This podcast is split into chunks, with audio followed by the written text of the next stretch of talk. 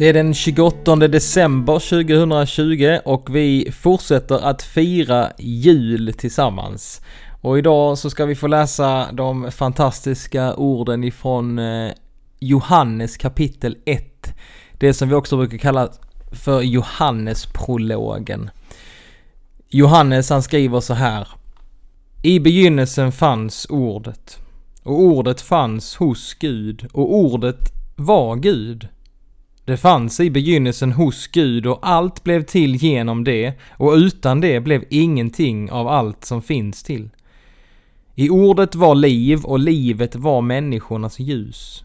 Och ljuset lyser i mörkret och mörkret har inte övervunnit det.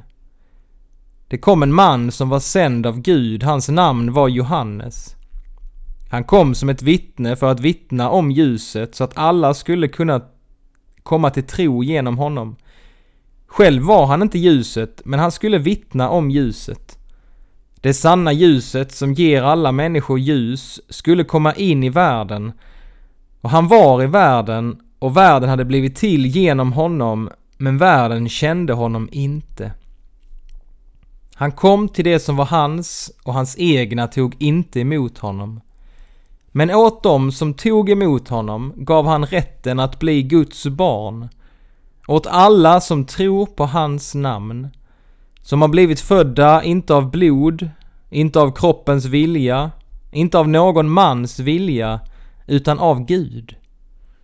Och ordet blev människa och bodde bland oss. Och vi såg hans härlighet. En härlighet som den enda sonen får av sin fader och han var fylld av nåd och sanning. Johannes vittnar om honom och ropar det var om honom jag sade Han som kommer efter mig går före mig, ty han fanns före mig. Idag får vi ta till oss de här fantastiska orden och det här löftet. Att åt dem som tog emot honom gav han rätten att bli Guds barn. Åt alla som tror på hans namn. Låt oss be tillsammans. Ja, helige Gud, du är verkligen Emanuel, Gud med oss. Du har blivit som en av oss, du har prövats på samma sätt som oss och du vet vad det är att vara människa. Tack för att du kom oss till mötes. Tack för att du kom för att tjäna oss. Hjälp oss att ta emot dig i våra liv och bli mer lika dig. Du ödmjukhetens konung. Så nu fortsätter vi att fira jul och må den enkla krubban påminna oss om att allt vi ser är Guds skapelse. Må herdarna påminna oss om att Gud kallar oss alla, oavsett vilka vi är, här och nu. Och må änglarna påminna oss om julens budskap om fred på jorden.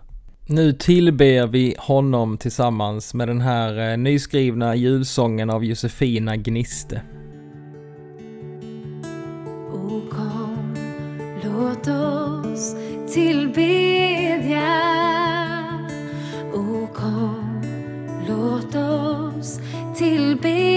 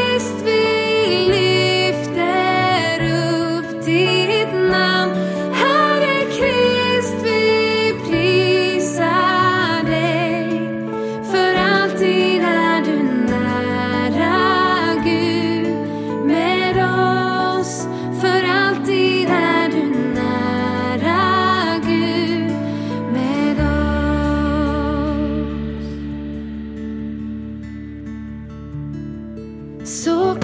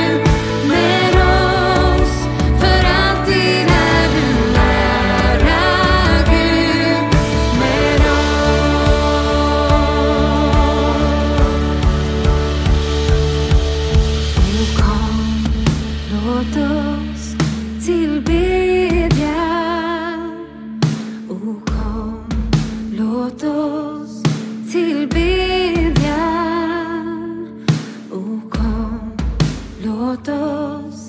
Till be